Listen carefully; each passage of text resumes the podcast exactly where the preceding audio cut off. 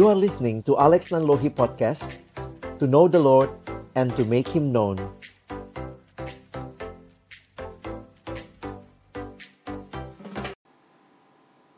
Kita akan dengarkan firman Tuhan. Mari sama-sama sebelum kita membaca merenungkan firman-Nya, kita berdoa.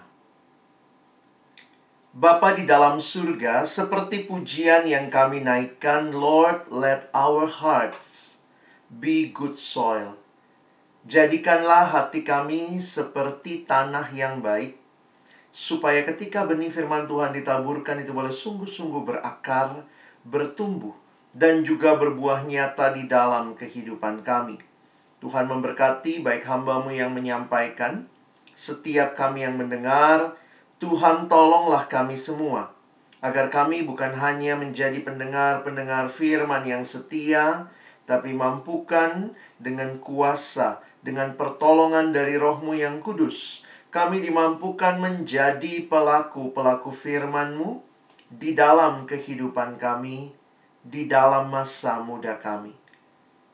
Tuhan yang memimpin, baik hambamu yang menyampaikan dan setiap kami yang mendengar, demikian juga diskusi di antara kami. Boleh semakin menolong kami menghayati apa yang menjadi bagian kebenaran firman-Mu. Di dalam nama Tuhan Yesus Kristus, Sang Firman yang hidup, kami menyerahkan pemberitaan firman-Mu. Amin.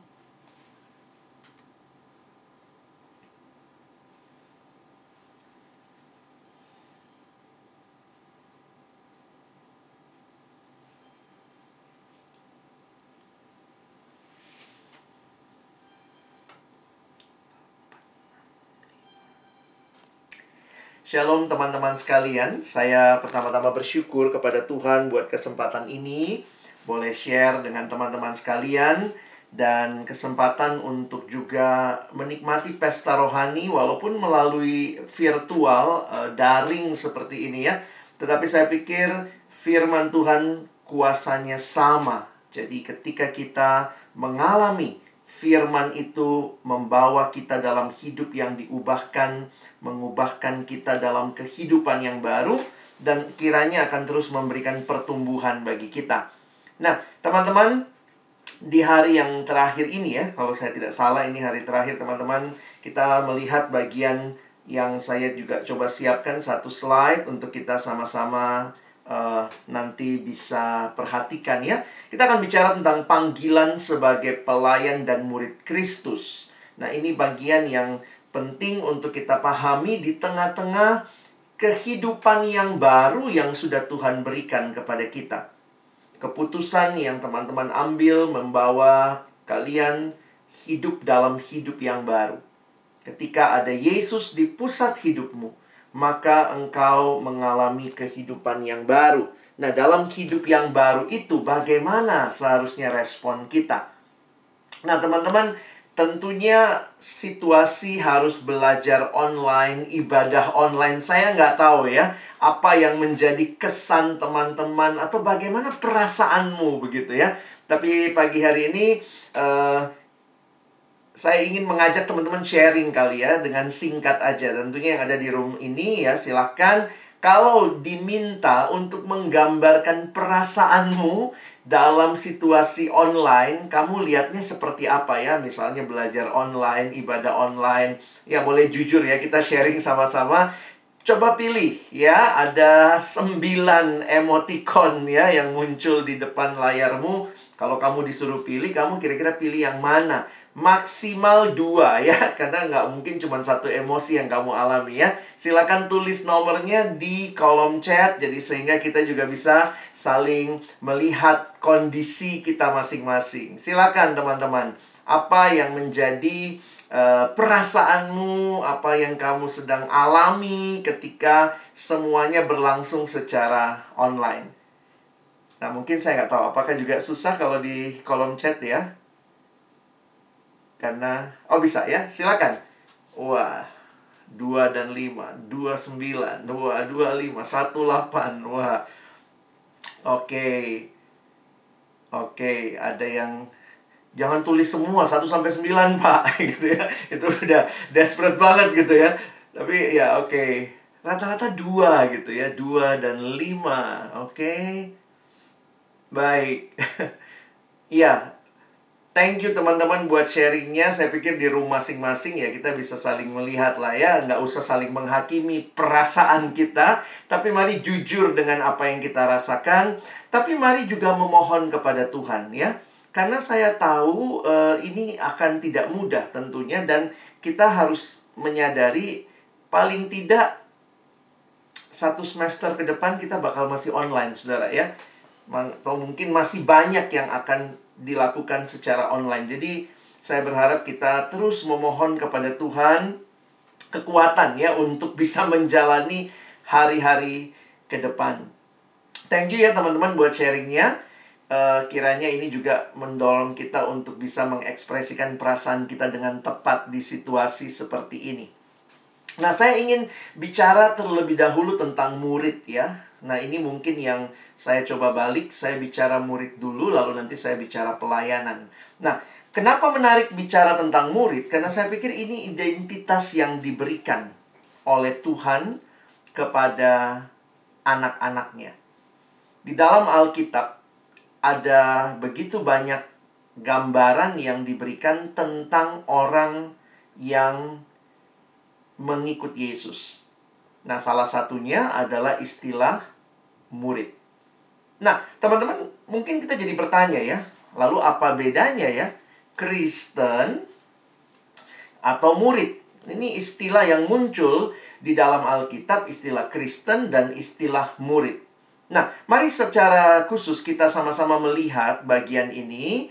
Saya ingin mengajak kita memperhatikan bahwa ternyata di Alkitab kita, istilah Kristen itu cuma muncul di Perjanjian Baru, dan istilah Kristen juga dalam Alkitab kita, di dalam bahasa aslinya, istilah Kristen cuma muncul tiga kali, teman-teman. Memang kalau kalian searching di Alkitab LAI, LAI itu menerjemahkan Kristen sampai sekitar 6 apa 7 kali. Tetapi di dalam bahasa asli Alkitab Perjanjian Baru bahasa Yunani, istilah Kristen itu cuma muncul tiga kali. Ya, jadi ini menarik untuk diperhatikan. Pemunculan pertama ada di kisah Rasul 11 ayat 26. Teman-teman saya bacakan ayat ini buat kita. Mereka, maksudnya Paulus dan Barnabas, kalau teman-teman lihat konteks bacaannya di kisah Rasul 11, mereka tinggal bersama-sama dengan jemaat itu.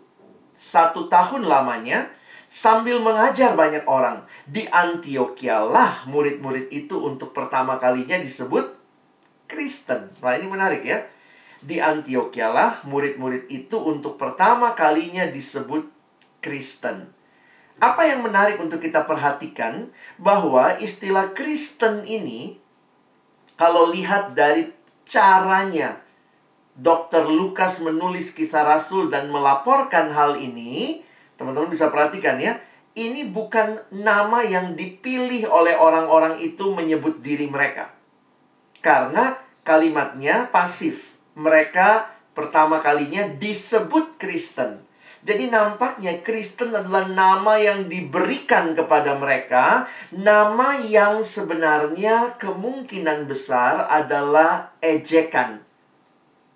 Untuk orang-orang yang hidupnya mengikuti Kristus, maka mereka disebut Kristen. Milik Kristus, pengikut Kristus sama seperti Kristus. Jadi makanya kalau bahasa apa ya? Misalnya biasanya kita sebut kalau ada tambahan ian di belakangnya Christian. Iannya itu adalah orangnya ya atau ya pengikutnya. Nah, kayak satu kampus di Jakarta, mahasiswanya misalnya anak binus, mereka disebut binusian ya. Jadi ian itu menunjukkan manusianya, orangnya. Jadi waktu dulu uh, abang dengar juga ya orang-orang yang ikut pandangannya Gus Dur mereka disebut Gus Durian wah itu jadi lucu juga tapi ya demikian orang-orang yang dalam tanda kutip diidentifikasikan dengan yang mereka ikuti jadi menarik ya mereka disebut Christian. Mereka disebut Kristen. Hidupnya mirip Kristus. Jadi ini pertama kali pemunculan kata Kristen sebagai sebuah ejekan dan muncul di kisah Rasul 11 ayat 26. Bagian yang kedua, pemunculan kata Kristen di Alkitab kita di kisah Rasul 26 ayat 28. Ketika Paulus berhadapan dengan Raja Agripa dan ketika dia diberi kesempatan berbicara, dia justru malah memberitakan kebenaran, menyampaikan Injil. Lalu kemudian Agripa menjawab, "Hampir-hampir saja kau yakinkan aku menjadi orang Kristen." Jadi, ini pemunculan yang kedua dan pemunculan yang ketiga di dalam perjanjian baru untuk kata Kristen terdapat di 1 Petrus 4 ayat 16. Tetapi jika ia menderita sebagai orang Kristen, maka janganlah ia malu, melainkan hendaklah ia memuliakan Allah dalam nama Kristus itu. Teman-teman perhatikan sebentar bahwa penghayatan kita akan istilah Kristen ini dan istilah yang kemudian digambarkan di 1 Petrus 4 kayaknya ini istilah yang memalukan begitu ya dan istilah yang membawa penderitaan me, apa ya menyandang nama itu di masa itu adalah hal yang membawa malu dan hal yang membawa penderitaan. Tetapi kemudian Petrus berkata, "Hendaklah ia memuliakan Allah dalam nama Kristus itu." Jadi nama Kristen diasosiasikan dengan Kristus dan di masa itu nama yang mungkin membawa penganiayaan, dipermalukan, dikucilkan, tetapi di dalam nama itulah mereka harus memuliakan Kristus. Nah teman-teman apa yang menarik ya, nggak muncul ya kata Kristen di kitab Injil. Karena ya baru di kisah Rasul pasal 11 tadi ya, di kisah Rasul muncul dua kali, di Petrus muncul satu kali, bahkan di dalam suratnya Paulus yang ada 13 surat tidak muncul nama Kristen sama sekali. Nah, tapi menarik untuk memperhatikan, jadi sebelum ada istilah Kristen, istilah apa yang dipakai untuk menyebut orang-orang yang ikut Yesus? Sebelum dipakai istilah Kristen, mereka dijuluki Kristen, lalu mereka disebut apa? Nah, sebenarnya udah jelas ya, di dalam kisah Rasul 11 tadi. Di Antioquia lah murid-murid itu. Jadi, kalau teman-teman memperhatikan, murid-murid atau kata murid itulah yang dipakai menyebut orang-orang yang mengikuti Yesus sebelum populer istilah Kristen. Dan kita bisa melihat ini adalah sebutan yang umum kata murid dipakai di dalam Alkitab Perjanjian Baru menunjuk kepada para pengikut Yesus sebelum mereka disebut dengan istilah Kristen. Teman-teman perhatikan kalau kita survei kata murid di dalam Injil Matius muncul 73 kali. Di Markus, Lukas, Yohanes, kisah Rasul, teman-teman bisa lihat ya. Ini gambaran tentang kata murid. Jadi kalau kita simpulkan secara sederhana, sebenarnya Kristen itu murid. Murid itu Kristen. Ini bukan dua istilah yang berbeda, memang di dalam perkembangannya seolah-olah ini jadi dua istilah. Apalagi ketika kita masuk ke dalam sistem pelayanan atau kita masuk ke dalam sebuah apa ya uh, bentuk pelayanan ada yang mengatakan begini ya, misalnya, wah dia masuk kampus nih, dia masuk sebuah gereja, oh Kristen dia, iya Kristen, lalu ditawarin, mau ikut pemuridan nggak ya? Itu jadi sebenarnya agak lucu ya seolah-olah ada pilihan untuk jadi Kristen tanpa jadi murid. Tapi kalau kita perhatikan sebenarnya di dalam penghayatan kita ya murid yaitu Kristen. Kristen ya murid. Ini bukan dua hal yang terpisah. Berarti identitas yang melekat, panggilan yang melekat kepada kita sebagai orang Kristen, sebagai murid Kristus, kita dipanggil untuk meniru Kristus. Ini identitas yang melekat pada kita. Teman-teman bisa nanti jadi sarjana dari IPB. Teman-teman nanti bisa jadi seorang suami, seorang istri. Ada jabatan-jabatan fungsional, sosial. Saudara bisa jadi kepala misalnya di sebuah perusahaan. Saudara bisa jadi uh, pemimpin di sebuah organisasi. Tetapi bagi kita yang sudah percaya kepada Kristus sebagai satu-satunya Tuhan dan Juru Selamat, identitas yang melekat pada kita. Ingatlah, kita murid Kristus, kita orang Kristen, itu adalah jabatan seumur hidup. Makanya bukan jabatan kali ya, lebih tepat kita sebut identitas. A new identity. Ketika kita ada di dalam Kristus, maka kita adalah murid Kristus.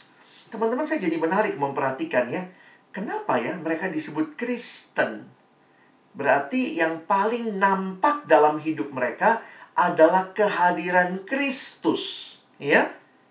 Nah, Kristus sendiri artinya Mesias. Mesias yang diurapi Allah untuk menjadi juru selamat dan Tuhan. Nanti cek di kamus Alkitabmu, di bagian belakang ada istilah Kristus. Kristus itu bukanlah marganya Yesus, ya bukan ya. Karena kita suka mikir itu marganya Yesus, marga Ahado, Kristus, bukan ya. Yesus Kristus sebenarnya adalah gelarnya.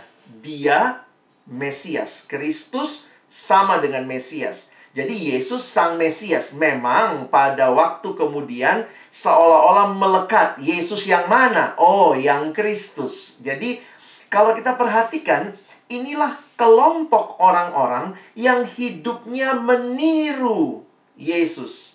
Meniru Kristus. Meniru juru selamatnya. Teman-teman, apa yang melekat pada dirimu? Kenapa kamu disebut anak IPB? Wih, itu anak IPB tuh. Wah, itu anak Pakuan di Bogor ya, kalau di Bogor ya. Oh, itu anak uh, Undip. Uh, itu anak UNER gitu ya. Jadi sebenarnya kita itu disebut anak tanda kutip ya atau disebut orang yang terafiliasi dengan sebuah identitas karena pasti ada identitas yang mirip ada kemiripan. Sama-sama diterima di IPB, sama-sama jalanin matrikulasi, misalnya sama-sama harus ikut kelas agama. Nah, tapi ketika berbicara kita disebut Kristen, karena kita sama-sama percaya pada Kristus, ada Yesus di hati kita, maka setiap kita adalah murid Kristus. Makanya ada satu kalimat yang menarik dalam bahasa Inggris dikatakan Jesus doesn't simply call us to believe that he existed or even to believe that he can save us. But he calls on us to commit our whole lives to him, to trust him alone for our salvation and then to follow him as his disciple. Jadi, teman-teman, ini perjalanan seumur hidup. Ini identitas yang melekat pada kita seumur hidup. Jadi, patron kita, role model kita, harusnya Yesus.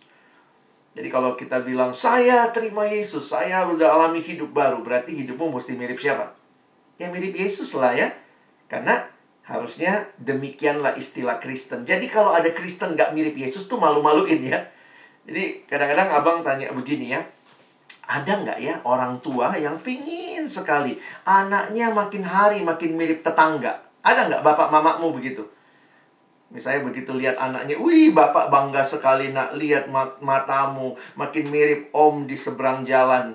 Wah lihat telingamu, lihat cara bicaramu, persis tante yang tinggal di sana begitu. Saya pikir mah nggak nggak demikian ya. Orang tua yang normal itu pingin sekali anaknya mirip dia. Karena itu kebanggaan ya. Jadi satu waktu saya ingat dulu besuk teman melahirkan. Ini teman dalam kelompok kecil kami di kampus, teman KTB. Setelah menikah kami juga masih jalan beberapa waktu KTB dan kemudian dia melahirkan. Nah, itu anak pertama. Saya ingat sekali kami berkunjung ke rumah sakit lalu ya sebagai ibu yang bangga lah ya baru pas waktu kami datang bayinya baru selesai menyusu ya. Jadi kemudian ada di samping mamanya lalu kemudian waktu kita kumpul liatin ya anak bayi baru lahir gitu. Lalu kemudian mamanya saya ingat banget bilang begini. Lex, ya. Lex lihat anak gue. Iya iya kita liatin gitu ya.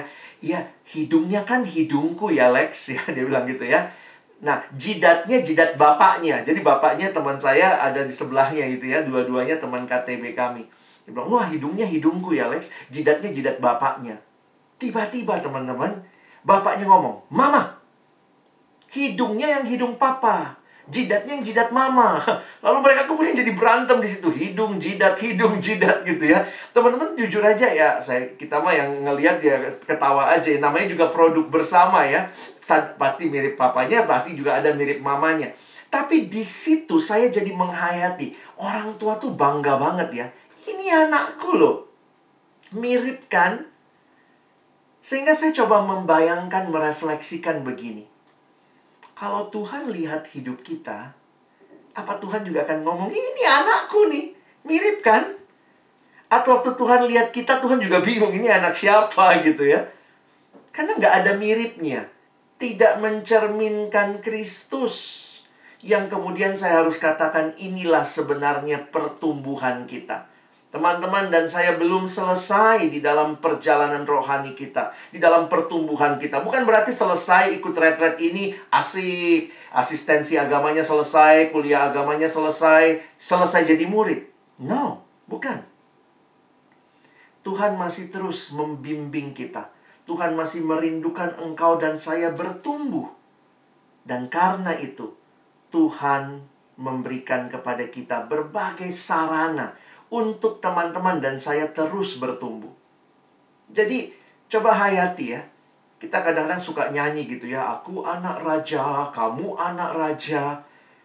Tapi kalau Tuhan lihat hidup kita, benarkah dia akan bilang, yes, ini anakku. Atau kita cuma nyanyi begitu, aku anak raja, kamu anak raja. Kita semua anak siapa? Kok nggak mirip seperti Kristus? Nah, ini satu perenungan panggilan yang saya pikir sangat mendasar. Teman-teman dan saya dipanggil jadi murid seumur hidup. Ini satu-satunya mata kuliah yang tidak pernah selesai selama engkau hidup di dunia. Mata kuliah menjadi murid. Mata kuliah lain kau boleh selesai mata kuliah lain kau bisa selesai D3-mu, S1-mu, kemudian S2, kemudian mungkin doktor, kemudian postdoktor. Kita bisa banyak gelar-gelar akademis. Tetapi seumur hidup kita, teman-teman dan saya belum pernah graduation jadi murid. This is a lifelong journey ini perjalanan seumur hidup. Wisudanya nanti ya. Wisudanya sama Tuhan di sana. Uh, ya, ada yang mau wisuda duluan. ya, kalau Tuhan bilang selesai pulang wisuda ya. Nah, tapi itu pun jadi satu perenungan buat kita bahwa jangan berhenti jadi murid. Kamu berhenti kelas agama. Berhenti asistensi. Stop kan, habis ini udah nggak ada lagi gitu ya kamu mungkin bilang kalau di gereja berhenti, sudah CD, sudah ikut apa, marguru, selesai. Tapi engkau belum pernah selesai jadi murid. Karena itu ingat identitas ini, ingat panggilan yang Tuhan berikan. Dan karena itu, kalau kita jadi murid yang harusnya mirip Yesus, bagian-bagian mana saja dalam hidup kita yang mirip Yesus? Nah, ini jadi pertanyaan kita ya. Nah, ada salah satu hal yang menarik sekali yang saya perhatikan ketika Tuhan panggil kita ikut Dia. Tuhan panggil kita untuk ikut Dia juga di dalam kehidupan yang mirip seperti Yesus. Salah satu hal yang menarik dalam hidup Yesus bagi saya sesuai dengan tema kita pagi ini adalah Yesus itu melayani teman-teman. Ya, bagi saya itu satu hal yang mungkin kita biasa ya namanya juga Yesus dia datang buat melayani lah, Bang.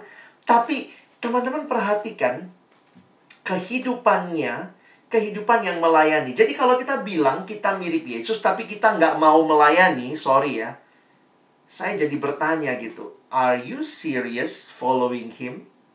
Karena waktu kita melihat mengikut Yesus, maka sebenarnya ada panggilan juga menyerupai Yesus di dalam berbagai aspek hidup, termasuk pelayanannya. Dan ini yang kita akan lihat juga saya ajak kita melihat Injil Markus ya. Injil Markus pasal yang ke-10, uh, Abang pilih ayat ini supaya teman-teman bisa melihat gitu ya. Bahwa ketika Tuhan Yesus memanggil muridnya, tidak berhenti di memanggil murid. Satu waktu dalam perjalanan murid-murid bercakap-cakap ini sedang menuju Yerusalem. Mereka berpikir Yesus akan masuk Yerusalem lalu akan jadi raja di sana menggulingkan pemerintah penjajah Romawi. Sehingga di perjalanan ada dua murid yaitu Yakobus dan Yohanes mulai ngomong, "Tuhan, perkenankan kami nanti duduk di kerajaanmu." Mereka mikirnya gini, "Wih, kalau Yesus masuk Yerusalem, Yesus jadi raja kan?" Dia menunggang balikan pemerintah penjajah Romawi. Wah, Yesus jadi raja. Nah, sekarang siapa perdana menterinya? Siapa yang duduk di kanan dan di kiri? Wah, di tengah jalan, mereka lagi jalan bareng-bareng nih 12 murid. Tapi Yohanes dan Yakobus nyolong start. mereka buka percakapan Tuhan. Nanti boleh ya, kami duduk di kiri dan kananmu. Lalu terjadilah percakapan dengan Yesus dan kemudian Yesus berkata, bukan kamu yang menentukan mau duduk di mana, itu akan diberikan oleh Bapa. Tapi yang menarik, Yesus berbicara tentang kedatangannya yang akan menanggung. Makanya Yesus mengatakan, "Bisakah kamu menerima cawan yang harus kuminum dan dibaptis dengan baptisan yang harus kuterima?" Di dalam perjanjian lama, cawan melambangkan murka Allah. Yesus bilang, sanggupkah kamu terima murka Allah? Dan sanggupkah kamu dipersatukan dengan penderitaan, dibaptis dalam penderitaan? Wah, Yakobus dan Yohanes agak sok tahu juga ngomongnya apa? Ya Tuhan, kami sanggup. Lalu Yesus bilang, no, itu saya yang akan tanggung. Kamu tidak menanggung itu. Dan karena itu, kita lihat murid-murid yang sepuluh lagi marah. Kira-kira kenapa mereka marah ya?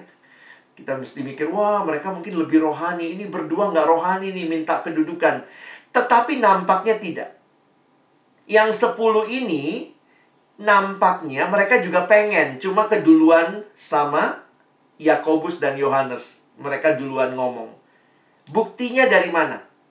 Perhatikan kalimat teguran Yesus. Yesus tidak hanya menegur Yakobus sama Yohanes. Kalau memang yang salah cuma Yakobus dan Yohanes, pasti kan Yesus panggil berdua. Sini, sini berdua. Kamu itu nggak tahu kamu minta apa, nggak boleh begitu. Tapi ketika itu, Yesus panggil semua mereka. Dan ini kalimatnya. Markus 10, 42, 45. Teman-teman perhatikan kalimatnya ya. Tetapi Yesus memanggil mereka. Sekali lagi bukan cuma Yakobus dan Yohanes yang dipanggil, semua dipanggil. Lalu Yesus memberikan gambaran ini. Kamu tahu bahwa mereka yang disebut pemerintah bangsa-bangsa memerintah rakyatnya dengan tangan besi dan pembesar-pembesarnya menjalankan kekuasaannya dengan keras atas mereka. Tidaklah demikian di antara kamu. Barang siapa ingin menjadi besar di antara kamu, hendaklah ia menjadi pelayanmu. Dan barang siapa ingin menjadi yang terkemuka di antara kamu, hendaklah ia menjadi hamba untuk semuanya. Dan ini ayat kunci yang terkenal ya. Kalimat Yesus Markus 10:45. Karena anak manusia juga datang bukan untuk dilayani, melainkan untuk melayani dan untuk memberikan nyawanya menjadi tebusan bagi banyak orang. Teman-teman, ini gambaran yang sangat menarik yang Yesus berikan, sekaligus tentunya menegur, mengoreksi baik murid-muridnya yang dua, Yakobus dan Yohanes, maupun yang sepuluh, yang nampaknya belum ngomong tapi punya keinginan yang sama. Karena itulah kita memperhatikan bagaimana di dalam bagian ini, Yesus mengajak untuk mereka melihat kembali Kira-kira Yesus mau bilang begini, kamu muridku, kamu mau ikut aku? Ingat loh, aku datang bukan untuk dilayani, melainkan untuk melayani. Teman-teman, apakah ini juga jadi kerinduanmu? Oh, aku murid Kristus. Murid Kristus bukan berhenti di asistensi agama, bukan berhenti ketika selesai kelas agama. Murid Kristus seumur hidup. Maukah engkau meniru dia juga yang adalah Allah yang rindu melayani dan dia nyatakan itu. Pelayanannya luar biasa. Dikatakan di dalam ayat ini Yesus berkata bukan untuk dilayani melainkan untuk melayani dan memberikan nyawanya menjadi tebusan bagi banyak orang. Yesus bukan cuma omdo, omong doang. Tapi dia buktikan dengan kematiannya di kayu salib. Nah, teman-teman sebenarnya apa yang lagi Yesus koreksi di sini, ya? Teman-teman jujur aja kalau kita perhatikan uh, banyak orang yang juga mau terlibat pelayanan. Ada yang memang pemalas gitu ya. Wah, males pelayanan gitu ya. E, maaf ya kalau Bapak e, Abang pakai istilah pemalas karena kan kalau dia jawabnya saya malas melayani terus semua disebut apa? Ya, malas ya pemalas gitu kan.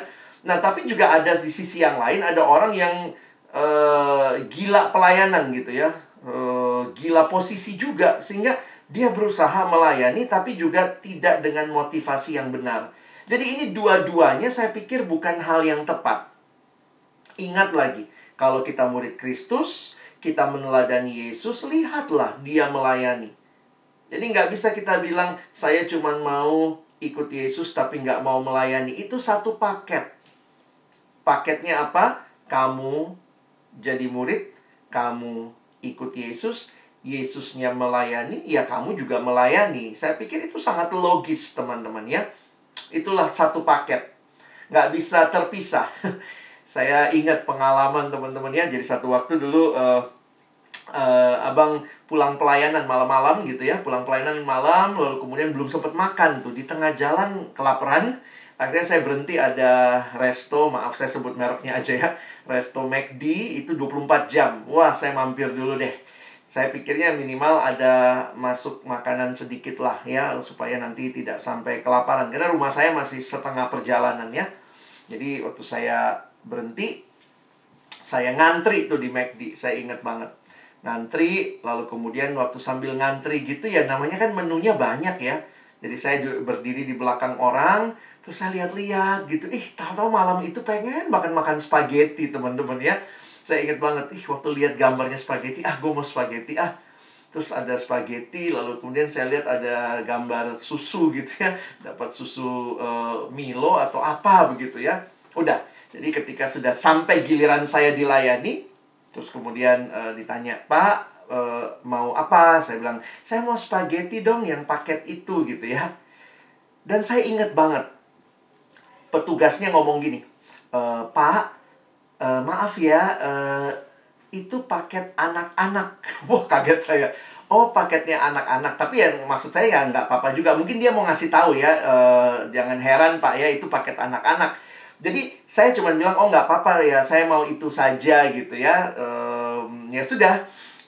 Terus kemudian dia siapkan, habis dia siapkan begitu, terus kemudian dia balik lagi, saya masih berdiri di kasir, lalu dia kasihlah uh, spaghetti saya dengan susunya. Lalu kemudian saya ingat banget. Tiba-tiba dia ngeluarin mainan, teman-teman. Dia keluarin mainan, ada lima mainan di depan saya. Dan dia bilang, Pak, tolong pilih satu, Pak. Ternyata saya baru sadar bahwa, ya mungkin kalau kalian ngerti lah ya, yang namanya uh, paket anak-anak di McD, itu ada mainannya.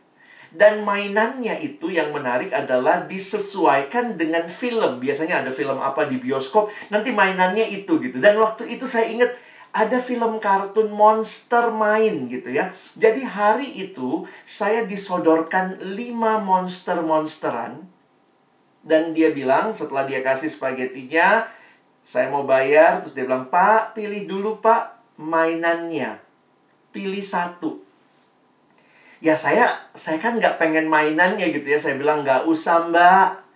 Terus dia bilang nggak bisa pak. Nggak usah mbak. Nggak bisa pak. Nggak usah mbak. Nggak bisa pak. Kami tolak tolakan di situ. Sampai akhirnya saya berhenti karena saya nengok ke kasir sebelah ada seorang ibu-ibu yang lagi liatin saya. Nih kenapa nih orang? gitu ya. Lagi tolak-tolakan mainan begitu. Akhirnya ya sudah saya bilang kenapa? Saya cuma mau spagettinya boleh nggak? Dia bilang nggak bisa pak. Itu sudah satu satu paket. Wah di situ saya jadi ngerti satu paket ya.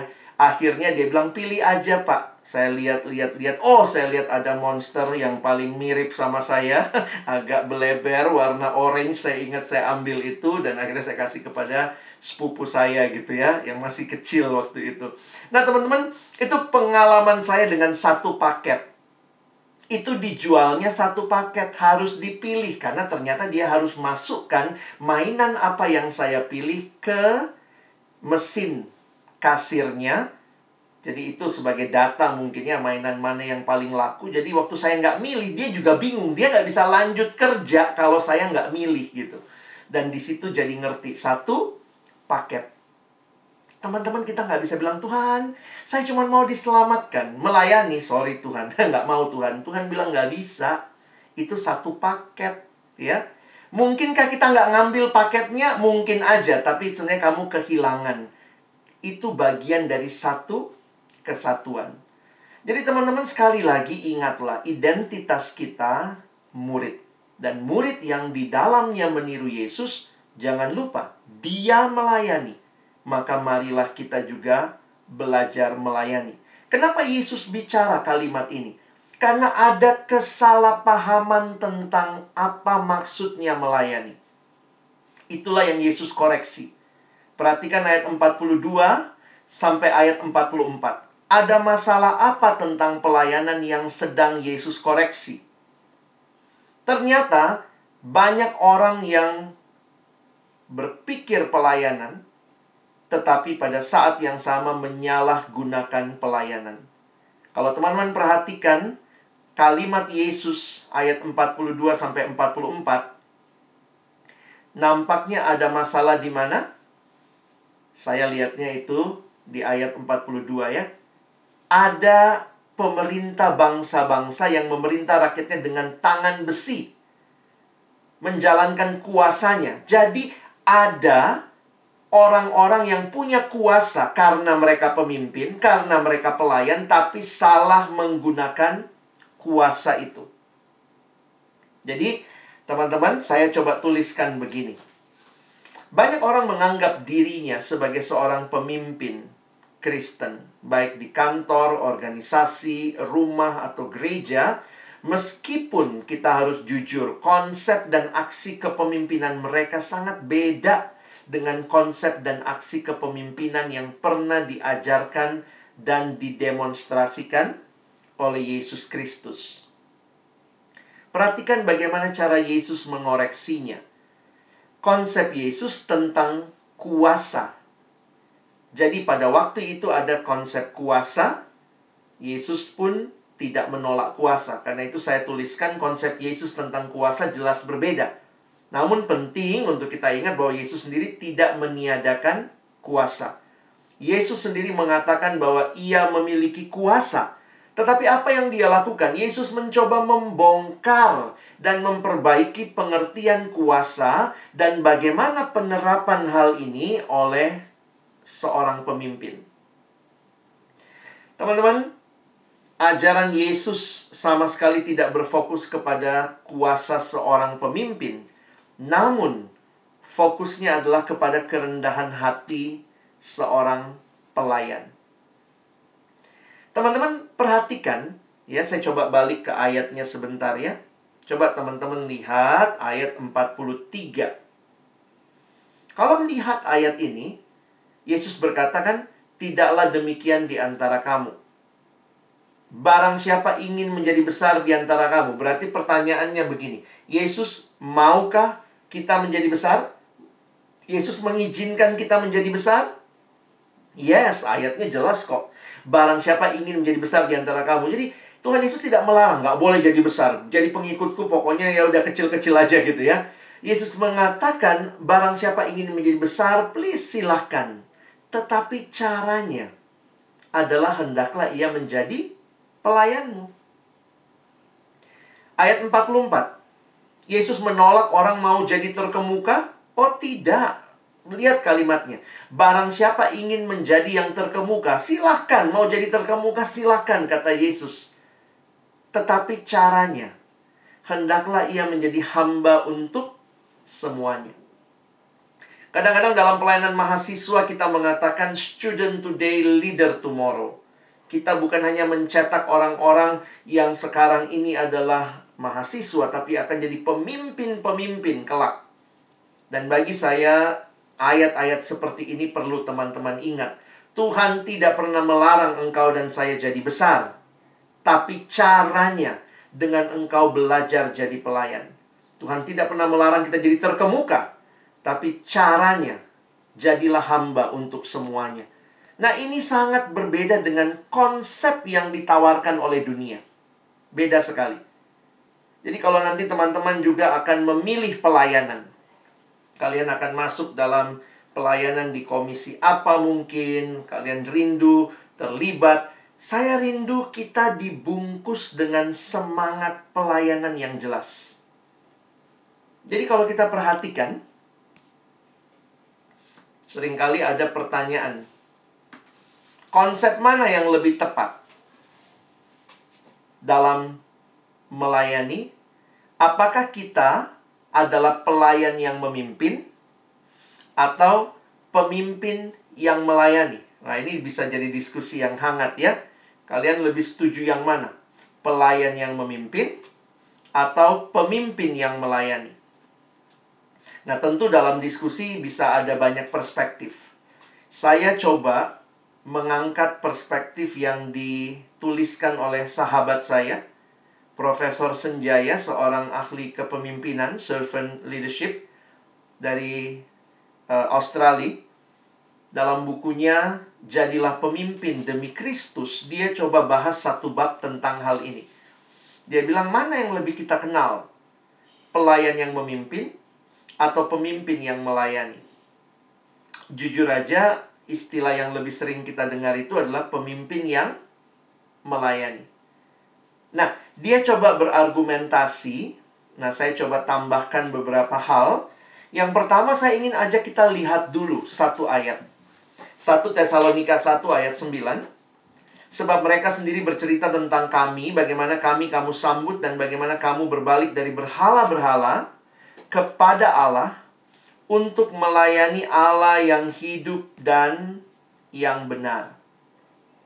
Teman-teman perhatikan kalimat Paulus ini ketika dia mencoba memberikan gambaran apa yang terjadi dengan jemaat Tesalonika. Perhatikan. Berbalik dari berhala. Jadi ini menarik kata kuncinya ya. Berbalik dari berhala kepada Allah untuk. Jadi ada kata dari, kepada, untuk.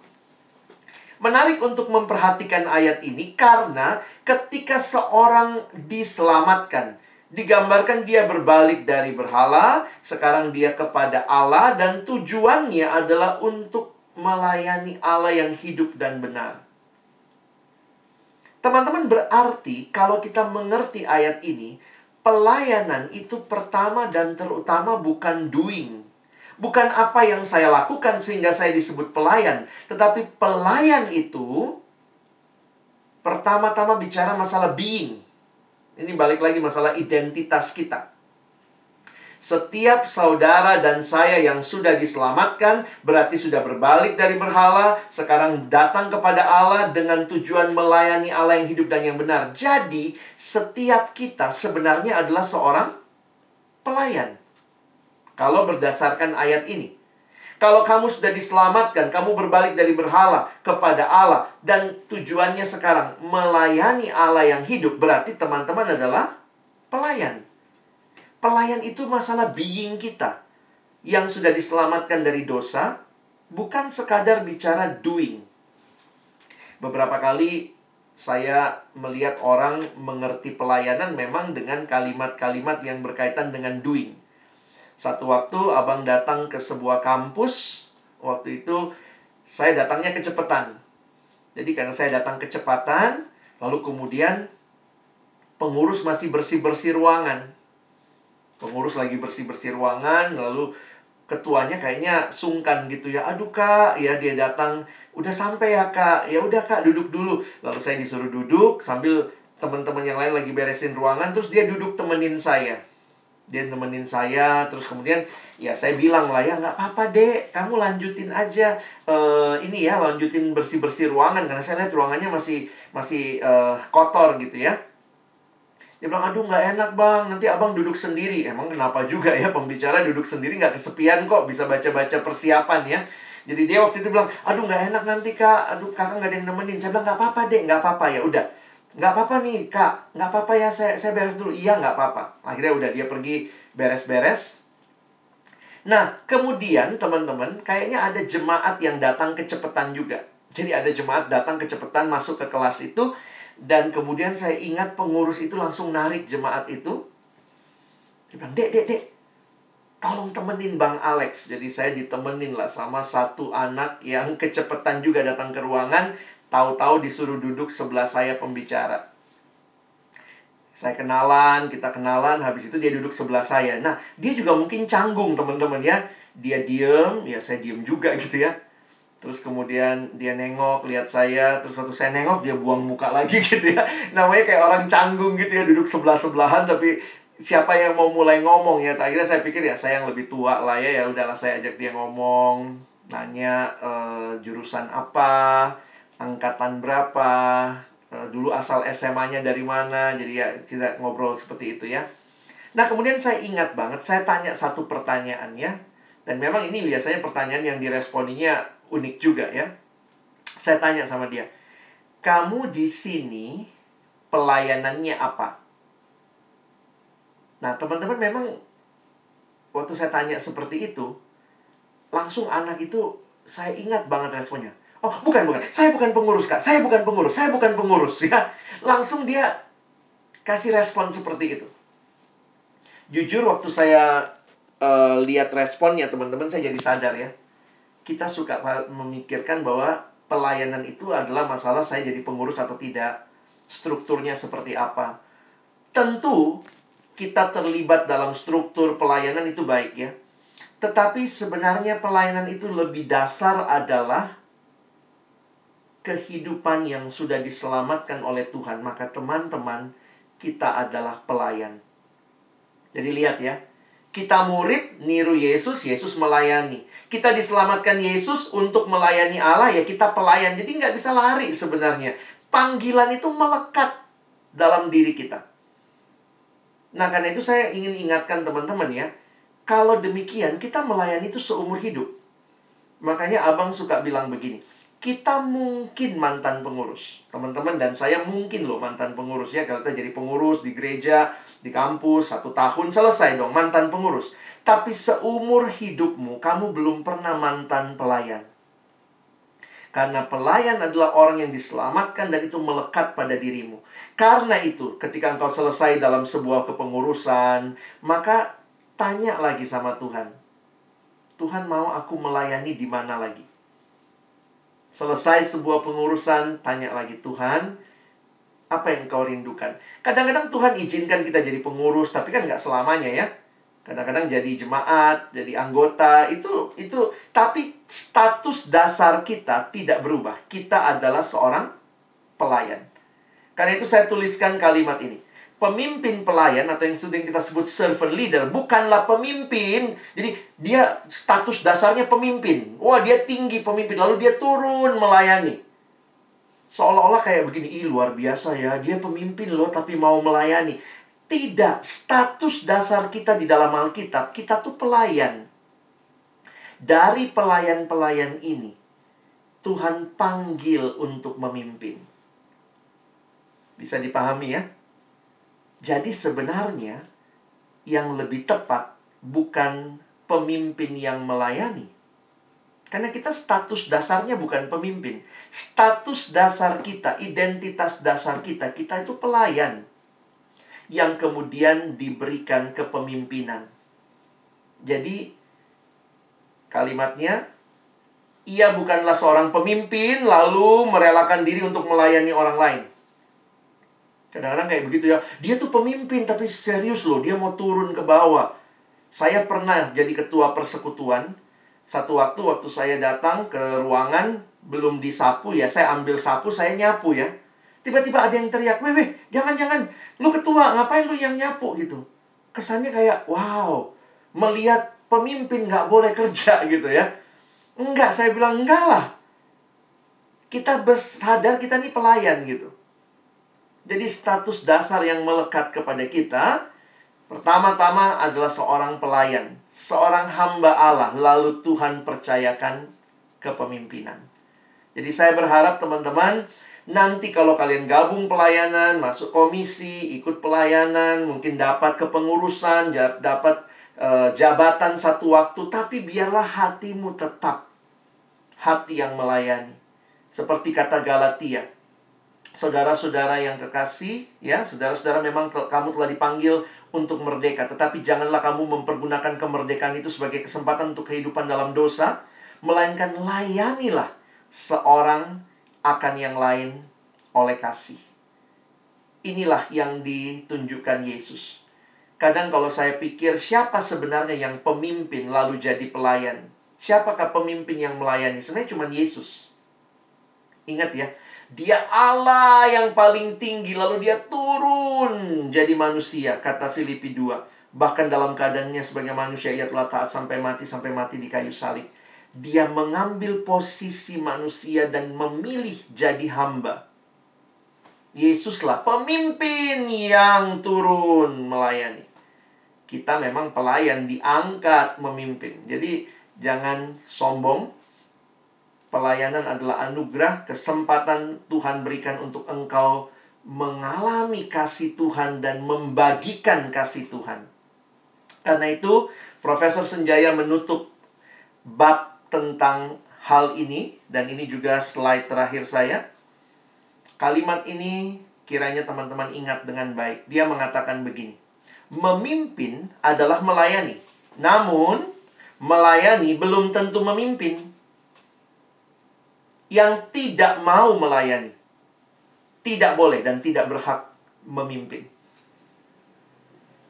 Ya kan nggak semua orang yang pelayan, semua kita kan pelayan, tapi kan nggak semua pengurus ya. Nah mungkin pengurus itu yang memimpin ya. Memimpin adalah melayani, namun melayani belum tentu memimpin. Yesus tuh nggak pernah jadi pengurus ya. Coba lihat di Alkitab. Yesus nggak pernah jadi pengurus. Yang jadi pengurus tuh yang Farisi ya. Ya bukan berarti ya udahlah saya nggak mau jadi pengurus, enggak ya. Yesus itu tidak pengurus tapi hatinya hati pelayan.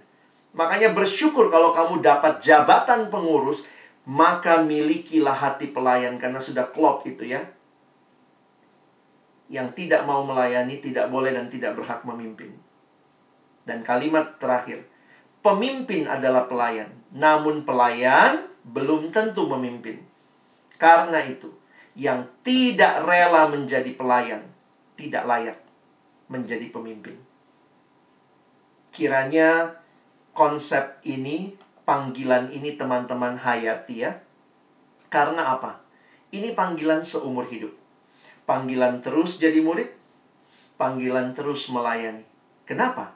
Kita murid, kita pelayan. Pelayan yang Tuhan percayakan sama seperti guru agung kita, dia melayani, bahkan memberikan nyawanya bagi orang lain. Teman-teman di, um, diberi kesempatan mengikut dia, mengikut dia juga untuk melayani sesama, jadi berkat buat orang lain. Dan kiranya kita tidak hanya jadi orang Kristen yang egois. Terima kasih Tuhan, aku udah diselamatkan. Tapi keselamatan yang kita terima akan berbuah dalam hidup kita menjadi kesaksian pelayanan yang indah bagi sesama. Kiranya Tuhan menolong kita. Boleh sungguh-sungguh menghayati panggilan ini. Amin.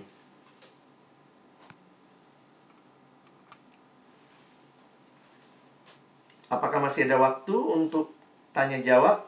Jika ada, silahkan. Masih ada waktu untuk pertanyaan jawab.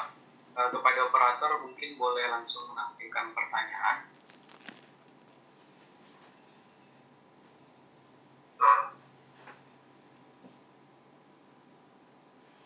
Tidak pandai berbicara di depan umum. Jadi bagaimana caranya melayani di PMK dengan kemampuan yang mungkin tidak seperti yang dimiliki orang lain ya. Ada yang bisa main musik dan segalanya. Saya menyadari bahwa Tuhan tidak pernah minta apa yang kita tidak miliki. Jadi, mari melayani Tuhan dengan apa yang kau miliki. Kamu tidak bisa main musik, saya juga nggak bisa main musik teman-teman ya. Saya nggak pandai bicara depan umum ya, mungkin ada bagian lain yang Tuhan berikan. Teman-teman bisa jadi pendoa, teman-teman bisa jadi orang yang mengajak orang lain untuk terlibat. Jadi tidak semuanya, kadang-kadang kita melihat pelayanan itu cuma yang tampil di depan. Tapi sebenarnya di balik itu ada banyak sekali kesempatan melayani. Saya nggak bisa ngomong depan umum. Begitu ngomong depan umum, modenya mode vibrate, getar ya. Tapi teman-teman mungkin bisa buat publikasi dengan bagus. Teman-teman bisa buat poster yang menarik.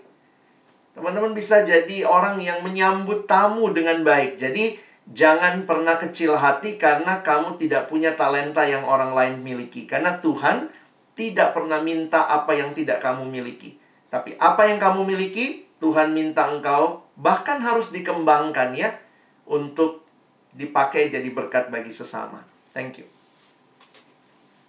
Baik, pertanyaan selanjutnya dari Mora. Izin bertanya Pak, menurut Bapak bagaimana langkah konkret yang harus kita lakukan agar mampu melayani dengan baik dan sesuai dengan pelayanan yang Yesus mau? Iya. Kalau kita melayani Tuhan, ingatlah juga karena kita melayani Dia, maka tetaplah miliki relasi dengan Tuhan. Saya pikir itu kuncinya, ya. Relasi dengan Tuhan, kita tetap membaca, merenungkan firman, kita juga terlibat dalam komunitas orang-orang percaya di kampus, di gereja. Saya pikir Tuhan akan menolong kita untuk juga bisa melayani sesuai dengan yang Dia kehendaki. Jadi, kalau ditanya kepada saya, bagaimana langkah konkretnya supaya uh, melayani dengan baik dan sesuai dengan pelayanan Yesus mau, ya mesti tahu yang Yesus mau itu apa ya, baca di firman-Nya.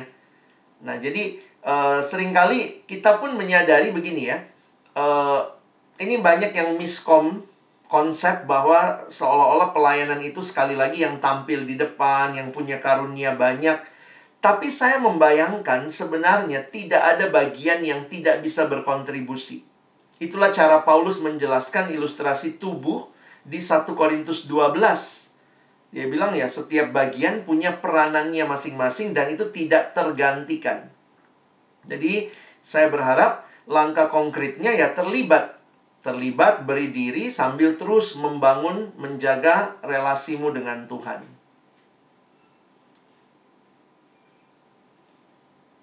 Baik, uh, pertanyaan selanjutnya dari Richard. Pak, bagaimana cara kita melayani dengan benar agar kita bisa mendengar akan suara Tuhan? Tuhan berbicara kepada kita pertama dan terutama di dalam firman-Nya, ya, di dalam Alkitab. Jadi saya berharap saya bukan menolak istilah orang bilang dia bisa dengar suara Tuhan, tapi poinnya adalah begini. Dari mana kita tahu itu pasti suara Tuhan? Maka kita harus konfirmasi dengan firman yang Tuhan berikan karena di situlah kita menemukan apa yang Tuhan nyatakan bagi kita. Jadi suara Tuhan mohon tidak disalah mengerti, tidak dicari-cari, tapi bacalah firman-Nya, Tuhan sudah menyatakan kehendaknya di situ. Baik, pertanyaan selanjutnya dari Mary. Di masa pandemi ini tentunya banyak kesulitan ketika melayani bagaimana ya Pak agar kami tetap semangat melayani walau dalam masa online seperti ini. Ya, ya, terima kasih ya. Ini pergumulan banyak orang ya. Tadi malam saya dengan beberapa teman di live YouTube kami coba share juga tentang hal ini ya. Nanti teman-teman boleh cek juga. Kalau kita bicara tentang pelayanan masa online, tentunya kita harus juga menyadari setiap uh, apa ya? Setiap kondisi punya keterbatasan tapi juga punya kekuatan. Jadi jujur saya kadang-kadang kalau bicara online sama offline ya jangan dibandingkan karena itu jujur aja nggak apple to apple lah kira-kira begitu ya. Jadi kita mesti menemukan kalau offline apakah lebih semangat? Nggak juga kan?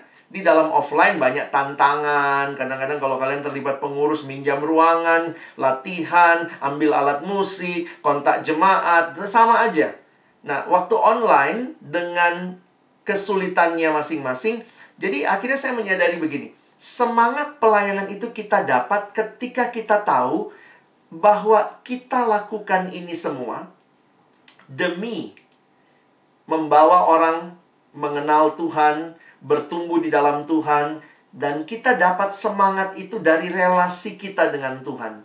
Jadi jangan sepelekan kalau kita membutuhkan kekuatan, motivasi. Saya sendiri banyak dapat motivasi waktu saya baca firman Tuhan. Jadi kan capek juga ya pelayanan online, natap layar saya nggak tahu kalau lagi tiduran, kalau lagi apa. Tapi saya meyakini Tuhan firmanmu nggak akan kembali sia-sia. Dapat keyakinannya dari mana? Dari firman. Semangatnya dari mana? Dari firman. Lalu saya lihat Rasul Paulus. Paulus itu kan nggak ketemu jemaat juga ya. Di karantina dia, di, di penjara. Tetapi semangatnya dari mana? Ya semangatnya dari Tuhan. Dia surati jemaat itu. Jadi kadang-kadang saya mikir, Paulus menggunakan berbagai media. Dia bikin surat waktu itu kirim sama jemaat. Nah, saya dapat semangat dari situ. Ya udah, saya melayani di sosial media juga. Itu jadi bagian dari Tuhan tidak ada alasan saya berhenti membagikan firman-Mu. Tidak ada alasan saya berhenti jadi berkat hanya karena masa pandemi dan online. Justru apa yang kamu punya? Kamu punya HP. Apa yang akan kau pakai dengan HP-mu? Kamu punya Instagram. Apa yang kau pakai dengan Instagrammu? Jadi jangan kita punya semua, tapi di masa online yang sangat penting ini, ya kita nggak menggunakannya dengan baik. Nah, saya pikir itu yang teman-teman perlu balik lagi menikmati relasi dengan Tuhan yang menyemangatimu jadi berkat juga buat generasi ini.